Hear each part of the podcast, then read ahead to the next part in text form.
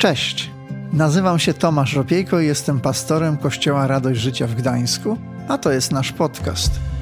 Świetnie, że jesteś. Mam nadzieję, że to, co za chwilę usłyszysz, zainspiruje Cię, pomoże lub zachęci do zmiany. Przejdźmy do dzisiejszego odcinka. Kochani, bardzo, bardzo, bardzo miło y, przed Wami stanąć, a zacznę od podziękowania.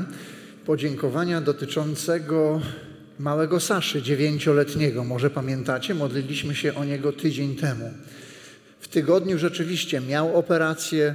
Operacja w Kijowie przebiegła dobrze i już widać od razu było zmianę w jego organizmie, po jego skórze, także cieszymy się i chcemy dziękować wszystkim za modlitwy i też tym spośród Was, którzy wsparliście finansowo e, to przedsięwzięcie, czyli tą troskę o Saszę i o jego rodzinę. Pamiętajmy o nich jeszcze w modlitwach i Bogu za to możemy dziękować. A my, kochani, rozpoczynamy drugą część naszej serii. Ten znak, który widzicie, muszę poćwiczyć. O, ten znak to jest znak bardzo dobry. Wbrew pozorom niektórzy, tylko trzeba uważać na ten, ten kciuk, on tu musi być, bo inaczej to będzie zły bardzo znak, ok? Więc ten znak to jest znak, którym osobom głuchym mówimy kocham Cię. Tak więc jeżeli tego znaku się nauczymy, to chociaż niczego innego nie powiemy głuchej osobie, to od nas otrzyma komunikat, że kochamy ją, że jest mile widziana. I rozmawiamy teraz o miłości. Jesteście gotowi? O, widzę, że bardzo jesteście gotowi. To bardzo dobrze. Ja też jestem gotowy, więc zaczynajmy. Był taki moment, kiedy do Pana Jezusa przyszli faryzeusze, bo usłyszeli, że On w mistrzowski sposób uciszył sady, saduceuszy, a że im nie zawsze było po drodze, ale nie ma to jak wspólny wróg, prawda? On zawsze łączy, więc ich też połączył. Faryzeusze chcieli jakoś uciszyć Jezusa, jakoś go tam złapać w pułapkę, więc zadają mu pytanie: Mistrzu, powiedz nam, jakie jest największe, najważniejsze przykazanie. No i co Pan Jezus odpowiedział? Masz kochać Pana swojego Boga całym swoim sercem, z całej swojej duszy i każdą swoją myślą. To jest najważniejsze i pierwsze przykazanie. I o nim mówiliśmy w styczniu. Czytamy dalej. Drugie zaś, podobne temu brzmi: Masz kochać swojego bliźniego tak jak samego siebie. Na tych dwóch przykazaniach opiera się całe prawo i prorocy. Pierwsze przykazanie zostało zaczerpnięte z szóstego rozdziału piątej księgi Mojżeszowej, czyli księgi powtórzonego prawa. Drugie natomiast, zaczerpnięte z trzeciej księgi Mojżeszowej, tak zwanej księgi kapłańskiej, z dziewiętnastego rozdziału, i czytamy tam w osiemnastym wierszu takie oto słowa. Nie będziesz się mścił i nie będziesz chował urazy do synów swego ludu, ale będziesz kochał swego bliźniego tak jak samego siebie. Ja jestem Pan. Tak w ogóle zachęcam, aby w tym miesiącu, w tym tygodniu sobie otworzyć ten fragment, czyli 19 rozdział trzeciej Księgi Mojżeszowej i porozmyślać o miłości do drugiego człowieka. Tam jest wiele różnych praktycznych odniesień. Niektóre będą dziwne, niektóre może nieadekwatne do naszej sytuacji, ale poczytajmy je, porozmyślajmy. Serdecznie do tego zachęcam. Paweł apostoł dwukrotnie napisał, że to drugie przykazanie wymienione przez Pana Jezusa jest wypełnieniem prawa. Czyli ten, kto wypełnia to przykazanie, wypełnia prawo. Jakub z kolei nazwał to przykazanie królewskim. No, mówimy o miłości, ale, ale o jaką miłość chodzi? Nie mówimy o ckliwej, romantycznej miłości, takiej, że jak zobaczymy drugiego człowieka, to nam serce się roztapia i, i, chcemy zaraz wszystko dla niego zrobić. Nie, mówimy o miłości, która jest świadomym wyborem, która jest świadomą decyzją o tym, że chcemy szukać dobra drugiego człowieka bez względu na to, jak się czujemy, cokolwiek się dzieje i tak naprawdę kimkolwiek on jest. No ale skoro o tym, to właśnie, kogo Pan Bóg ma na myśli, jak mówi kochaj bliźniego? Kto to jest ten bliźni? Bliźni z definicji słownej, która, tych słów, które zostały tam użyte w Starym i w Nowym Testamencie, najczęściej odnoszono do rodaków. Stąd może pamiętacie, tam był taki zwrot, że będziesz, nie będziesz chował urazy do synów swego ludu, czyli do rodaków, czyli do swoich, do swojaków. Nie będziesz trzymał urazy. No właśnie. A do innych można? Nie wiem, czy Was, ale mnie zastanawiało to pytanie, które kiedyś też do Pana Jezusa zostało skierowane. A kto jest moim bliźnim? Hmm. Więc Pan Bóg wie, jak to jest z nami ludźmi, że my zaraz będziemy kombinować, więc dopowiada. I czytamy teraz słowa, które zobaczcie, jak bardzo odnoszą się do sytuacji, w jakiej my, Polacy, się znaleźliśmy. Też ten sam dziewiętnasty rozdział, ta sama księga i czytamy od wersa, wersetu, przepraszam, 33. Jeśli w Twoim kraju będzie z Tobą mieszkał cudzoziemiec, dzisiaj nie brakuje cudzoziemców, prawda? Nawet na tej sali nie brakuje cudzoziemców. Nie będziesz go gnębił. Cudzoziemca, który zamieszka u was, będziesz traktował tak jak tubylca. Czyli kogo? Swojaka, jak swojego. Tak jak jednego z was. Będziesz go kochał jak samego siebie, gdyż sami byliście cudzoziemcami w ziemi egipskiej. Ja, Pan, jestem waszym Bogiem. Okazuje się, że cudzoziemiec też bliźni. Więc mamy kochać swoich i mamy kochać tych, co swoimi niby nie są, cudzoziemców. Mamy kochać tych, którzy są nam bliscy i tych, którzy są inni niż my. Może nawet mają inne poglądy niż my, inne zdanie na jakiś temat. Hmm, robi się dosyć niewygodnie, prawda? Czy nie? Drugi człowiek jest bowiem podobny do nas, bez względu na to, skąd przychodzi, jakim mówi językiem.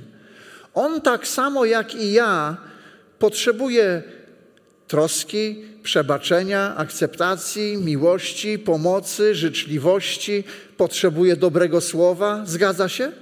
My potrzebujemy, ale on też. On jest taki sam jak my. Może się wieloma różnymi rzeczami różnić od nas, ale jako człowiek ma te same potrzeby. Bóg mówi: kochaj tych ludzi, bo oni są tacy jak ty. Jak ty się złościsz, to co myślisz, że oni się też nie złoszczą?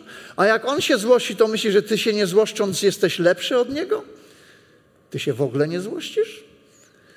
No właśnie, jesteśmy do siebie podobni i Bóg mówi: traktujmy siebie nawzajem jako ludzi, którzy są do siebie podobni, którzy tego samego potrzebują. Boże przykazanie to, o którym mówimy, ludzie w różny sposób interpretują.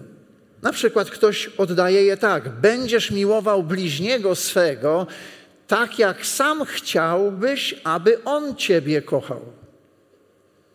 Czyli odwrócenie tej złotej reguły: nie czyń drugiemu tego, co tobie niemiłe, czego ty nie chcesz, aby tobie czyniono. Czyli kochaj tak, jak sam chciałbyś być kochany albo kochana. I to jest pytanie, jak chciałbym, by mnie kochano. To można sobie na poranną kawę i sobie porozmyślać i zapisać. I wtedy będziemy mieli podpowiedź, jak możemy kochać drugiego człowieka. Dość często dzisiaj można spotkać się z takim podejściem do tego przykazania. Aby kochać bliźniego, najpierw trzeba kochać samego siebie. Słyszeliście takie zdanie? Jeszcze inni mówią tak, że jesteśmy w stanie kochać bliźnich do tego stopnia, do jakiego kochamy samych siebie. No i mam dla Was troszkę prowokujące pytanie, na które nie udzielę w żaden sposób odpowiedzi. To jest może dobre pytanie na grupę radości, albo rodzinny obiad niedzielny, albo cokolwiek. Proszę bardzo, jakie to pytanie? Pytanie brzmi tak: w jakim stopniu takie stawianie sprawy jest wypadkową podejścia takiej popularnej psychologii, a w jakim faktycznego studiowania Biblii? Jak myślisz? No dobrze. Pan Jezus jednak na tym nie kończy. Znajdujemy bardzo ciekawą wypowiedź Pana Jezusa, która nadaje jakby nowego kolorytu temu przykazaniu. A mianowicie, we wspomnianym już 15 rozdziale Ewangelii Jana, w 12 wersecie czytamy takie oto słowa. Pan Jezus mówi: Takie jest moje przykazanie Kochajcie się nawzajem, jak ja was ukochałem. Wcześniej, przed tym wersetem, Pan Jezus mówi o tym, że wypełnianie przykazań jest związane z miłością, że nie, nie można tego jakby rozdzielić. I pojawia się tutaj nowy wymiar tego, o czym rozmawiamy. Bo kochanie bliźniego swego jak siebie samego nagle, nagle zaczyna brzmieć tak. Kochaj bliźniego swego tak, jak Chrystus Ciebie ukochał. I tutaj już nie miłość do samego siebie staje się wypadkową, ale miłość Chrystusa do nas staje się podpowiedzią, jak możemy kochać drugiego człowieka. Zgadza się? Kochajcie się nawzajem, tak jak ukochał Was Chrystus. Co ciekawe, w kulturze żydowskiej bardzo mocno podkreśla się wspólnotowość, przeżywanie wszystkiego jakby razem w relacjach rodzinnych, ale też nawet tej relacji z Bogiem wspólnotowo przeżywać. I tak funkcjonowali Żydzi. Po dzień dzisiejszy jest tak, że oni mają w odniesieniu do niektórych modlitw tak zwane kworum modlitewne, czyli że tych modlitw nie można wymówić, jeżeli nie jest razem dziesięciu dorosłych mężczyzn. To uczy nas tego, co oni komunikują, że wspólnota jest czymś ważnym, że przeżywanie Boga razem, że droga prowadząca przez życie jest wspólną drogą. Nie idziemy nią sami, idziemy nią z innymi ludźmi. I zresztą pierwszy Kościół, gdy popatrzymy na opisy z dziejów apostolskich, widzimy, że ten pierwszy Kościół również podkreślał wspólnotowość. Oni byli w jednym miejscu, mieli wszystko wspólne i tak dalej, i tak dalej. Jest dużo podkreślania, co oni razem robili. Dlatego też i my, jako Kościół, mamy nabożeństwa, jesteśmy razem. W tygodniu mamy grupy radości, gdzie znowu razem staramy się przeżywać naszą relację z Bogiem i ze sobą nawzajem. Niestety tego nie zrobimy online. Cieszymy się bardzo z każdej osoby, która jest po drugiej stronie ekranu ale trudno tą drogą nawiązać bliską relację. Zobaczcie, co się wydarzyło w Kościele. Gdy Kościół przestał być pod wpływem kultury żydowskiej, zaczęła przeważać kultura indywidualizmu. Do IV wieku pojawili się ojcowie pustyni i stało się dość popularne, by żyć z Bogiem w odosobnieniu. Nie z innymi, ale w odosobnieniu. Nawet my dzisiaj mówimy, przecież moja wiara jest moją prywatną rzeczą, prawda? Może tak nie mówimy, ale to jest dość potoczne. Tak się przyjmuje. No ale czy rzeczywiście? Pan Jezus powiedział, że mamy być jak świeca postawiona na korcu, która, no trudno o niej powiedzieć, że jest prywatna. Ona ma być widoczna, ona ma świecić.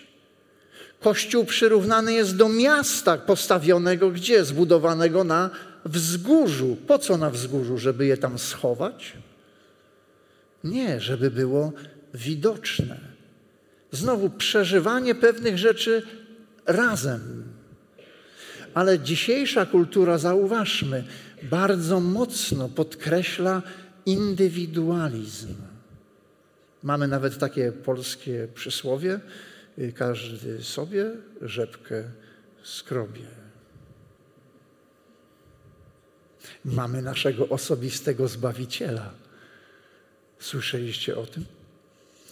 Ja tak troszkę przewrotnie, znacie mnie, myślę, to wiecie. E, ktoś kiedyś zareagował na to, że Jezus jest osobistym zbawicielem. Mówi, osobisty to jest dowód, powiedział. Ale tak, z jednej strony oczywiście musimy mieć tę relację indywidualną. Przecież sam Pan Jezus mówił: zamknij drzwi za sobą i spędź czas z Ojcem. Ale spędzamy ten czas z Ojcem sam na sam po to, by żyć między ludźmi, by być z nimi, by się nie izolować od nich, ale by żyć razem z nimi, by się dzielić tym życiem, które odbieramy od Boga. I chciałbym postawić taką tezę, nie wiem czy się obroni, czy nie, ale że aby to drugie, najważniejsze przykazanie wypełnić, musimy w zdrowy sposób patrzeć na samych siebie, ale też na drugiego człowieka, na tego bliźniego, o którym rozmawiamy. No ale słyszę Wasze pytanie i słusznie, i dziękuję Wam za nie. Co to znaczy w zdrowy sposób? Chciałbym zaproponować odpowiedź na to pytanie, wyjątkowo postaram się e, udzielić odpowiedzi. W zdrowy sposób znaczy z perspektywy nieba, z Bożej perspektywy. Dlatego ta dzisiejsza usługa nazwana jest widok z nieba, bo chcemy patrzeć na siebie samych i na innych z perspektywy nieba, przez pryzmat tego, jak Bóg na nas patrzy. Chcemy uczyć się kochać siebie i innych tak, jak Bóg nas kocha, bo to jest najważniejsze.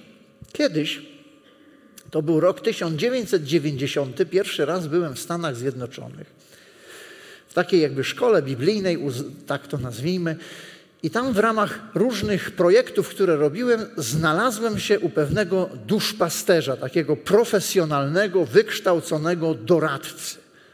Dzisiaj byśmy powiedzieli terapeuty. On był chrześcijaninem i udzielał porad duszpasterskich. Miał swoją jakby swoje biuro i trzeba się było do niego umówić. Więc ja miałem wtedy, nie wiem, ze 23 lata, jakoś tak. Umówiłem się, bo miałem do niego pytanie. Pytanie brzmiało tak: jak w zdrowy sposób człowiek może na siebie patrzeć? Kiedy mówimy o pokorze, a kiedy mówimy o pysze? Ja, ja, jak to wszystko poukładać? I on, oczywiście, ten obraz jest niedoskonały, ale w jakiś sposób on mi pomógł uporządkować pewne sprawy. A zobaczcie, ile lat minęło i wciąż go pamiętam. Pamiętam, jak siedzieliśmy i on rysował na kartce. Narysował drogę i narysował dwa rowy. I mówi do mnie tak. Po jednej stronie ten rów odzwierciedla pychę, gdy człowiek ma o sobie zbyt wysokie mniemanie. Patrzy na innych z góry, uważa się za kogoś lepszego. Słyszeliście, że niektórzy ludzie tak robią, prawda? Drugi rów, on mówi, odzwierciedla tych ludzi, którzy zaniżają swoje poczucie wartości.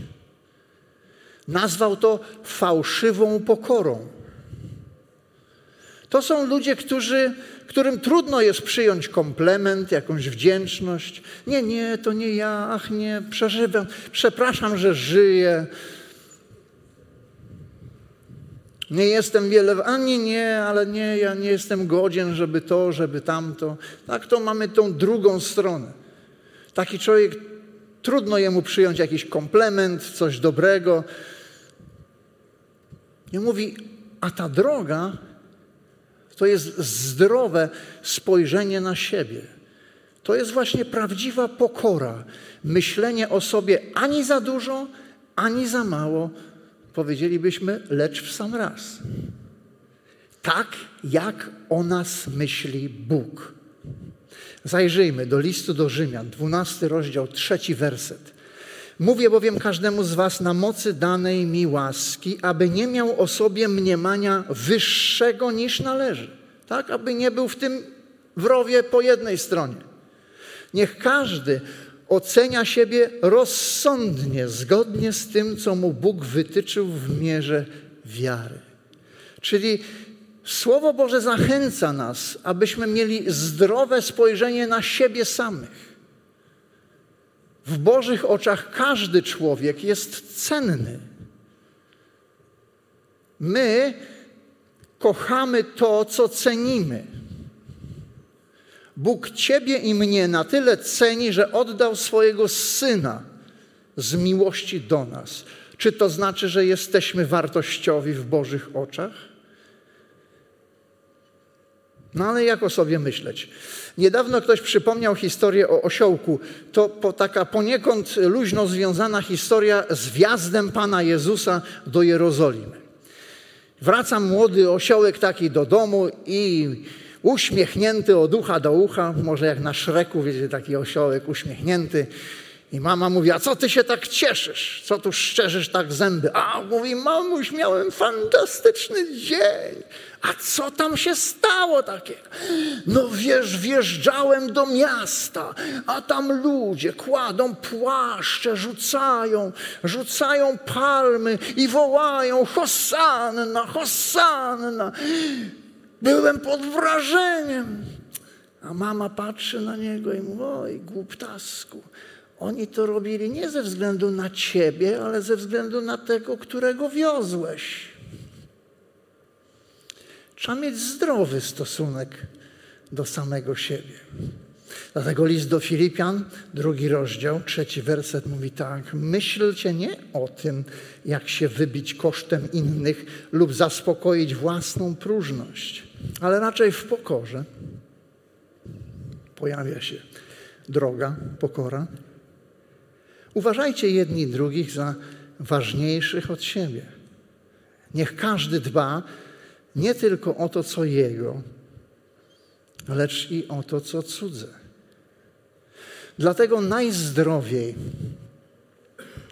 swoje poczucie wartości, godności budować na Chrystusie, bo to uniezależnia nas od opinii innych ludzi. To nie znaczy, że opinia innych ludzi nie jest dla nas ważna, ale przestaje być kluczowa. Popatrzmy na, na małżeństwo, na przyjaźń, na relacje, jakich jesteśmy z ludźmi. Jakie ludzie potrafią dramaty przeżywać, gdy ktoś powie coś przykrego, zrobi coś przykrego. Różne są oczywiście tutaj kalibry tych różnych rzeczy, i, słów, i czynów. Ale czasami świat cały legnie w gruzach, bo ktoś coś powiedział. Jak on mógł tak powiedzieć? Jesteśmy, jeżeli jesteśmy zbudowani na fundamencie ludzkich opinii, tego, co, co oni o nas powiedzą, jak oni nas ukochają, to chodzimy na śliskim gruncie, ale tak jak dzisiaj śpiewaliśmy, jeżeli fundamentem naszego życia jest Boża miłość, wtedy jest solidnie. Oczywiście będzie bolało, jak nam ktoś powie przykre słowo, ale to nie zawali całego naszego świata. Będziemy bezpieczni, będziemy ugruntowani w Bożej miłości. A chrześcijaństwo, co tu dużo mówić, w swojej naturze jest chrystocentryczne, a nie egocentryczne.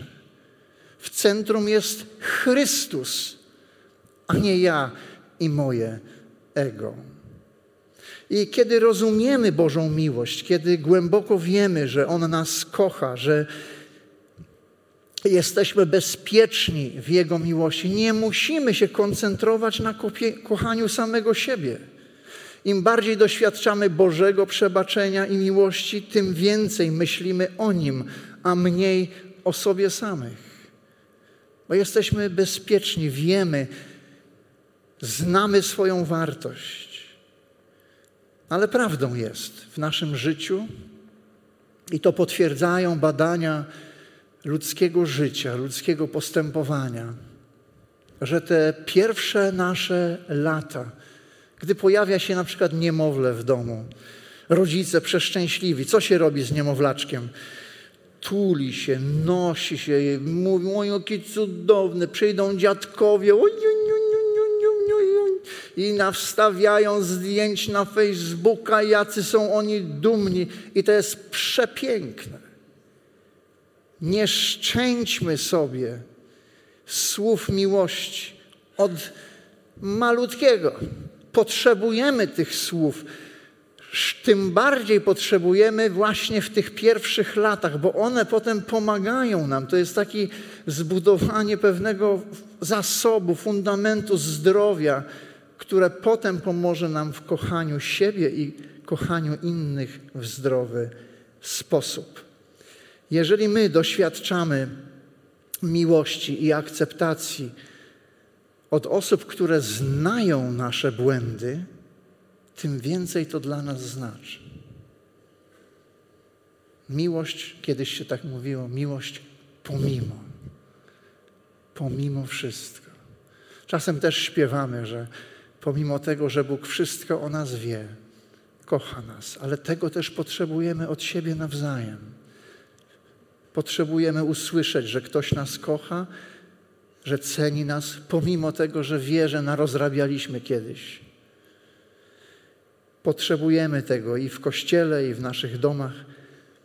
Potrzebujemy tego na co dzień. Na koniec chciałbym, byśmy zwrócili jeszcze troszkę, byśmy spojrzeli w inną stronę i będziemy się modlić. Widok z nieba na nas, ale też widok z nieba na innych ludzi. Zadaj sobie pytanie: co to znaczy kochać siebie tak, jak Bóg mnie kocha? Porozmawiaj o tym z Bogiem. To nie jest łatwe. Ja mówię ze swojego doświadczenia, może Wam jest łatwiej to chętnie wysłucham Waszych podpowiedzi. Ale drugie pytanie brzmi tak.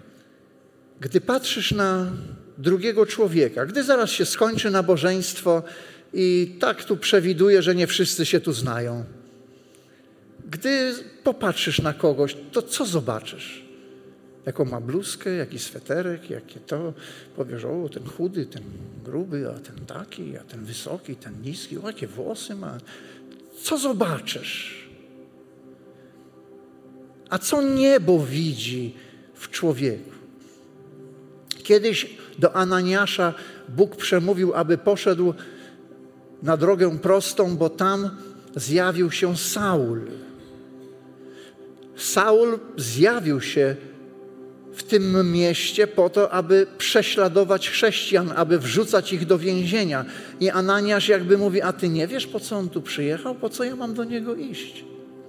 Ananiasz widział w Saulu prześladowcę Kościoła, ale niebo widziało w Saulu apostoła Pawła. Rodzina widziała tylko rudego, młodego chłopaczka, którego się posyłało na różne sprawunki, który gdzieś tam owce paść, pasł, ale niebo widziało w nim króla Dawida. Jedni widzieli w tych prostych ludziach zwykłych rybaków, ale niebo widziało w nich rybaków ludzi, apostołów, którzy będą kontynuować służbę. Gdy Ty patrzysz na ludzi, co widzisz? Niebo nie patrzy na nas z punktu widzenia naszej historii, naszych grzechów, naszych błędów, ale Bóg patrzy na Ciebie i na mnie z punktu widzenia przeznaczenia i powołania, które ma dla każdego z nas. Więc jak się skończy nabożeństwo, kogo zobaczysz tutaj na sali?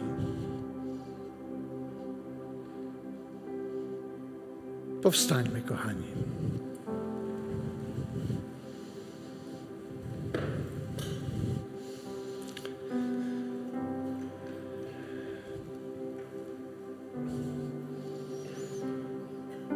Jeśli Bóg dotykał Twojego serca i będziesz potrzebował modlitwy, to będą tu osoby z przodu.